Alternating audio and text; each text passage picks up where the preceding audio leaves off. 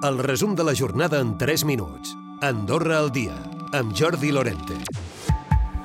A partir de l'1 d'agost, Unió Lauradiana acordarà si continua el pacte d'estat per la Unió Europea, tot plegat després que Josep Pintat hagi dit que la proposta de l'executiu li sembla infumable, però la formació vol anar a la reunió de grups, que es farà dimarts vinent, i llavors prendre una decisió. El nou president d'Unió Lauradiana, Josep Majoral. Digui el senyor Josep Pintat, doncs té un pes per mi molt important, perquè insisteixo en que és segurament, o sens dubte, la persona mm, la qual té més coneixement d'aquest dossier.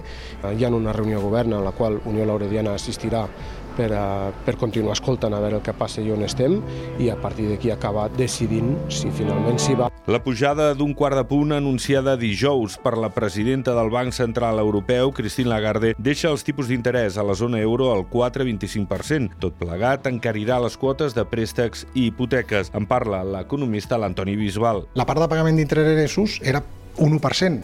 Si ja passa a ser el 6%, doncs paguem 5 vegades més aquesta part d'interessos.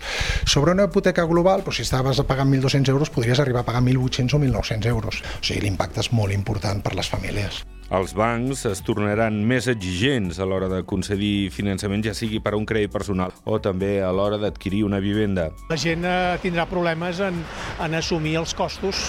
Pots gastar menys que abans. És molt difícil ara mateix. Ara mateix pues, no crec que sigui un bon moment. Preferiria tenir, tenir propietat, però de moment no m'ho puc, no puc plantejar. Sí que en un futur m'agradaria pues, optar a una propietat, però clar, tal com està també les hipoteques, els sous i tot, pues, com que no ajuda gaire.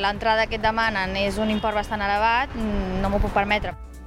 Andorra ja no és un vestigi del dret feudal i medieval, sinó un estat homologat segons els criteris del dret internacional modern.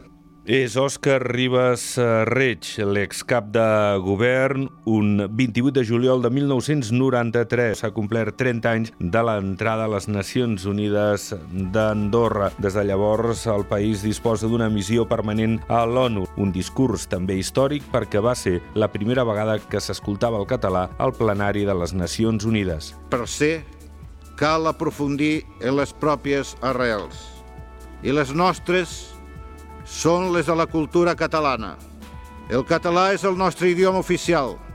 Andorra ha superat la mitjana del 10% del vot exterior a les eleccions espanyoles del diumenge passat. Els 3.700 vots representen prop del 16% del cens del Principat. La mitjana del vot exterior és del 10%.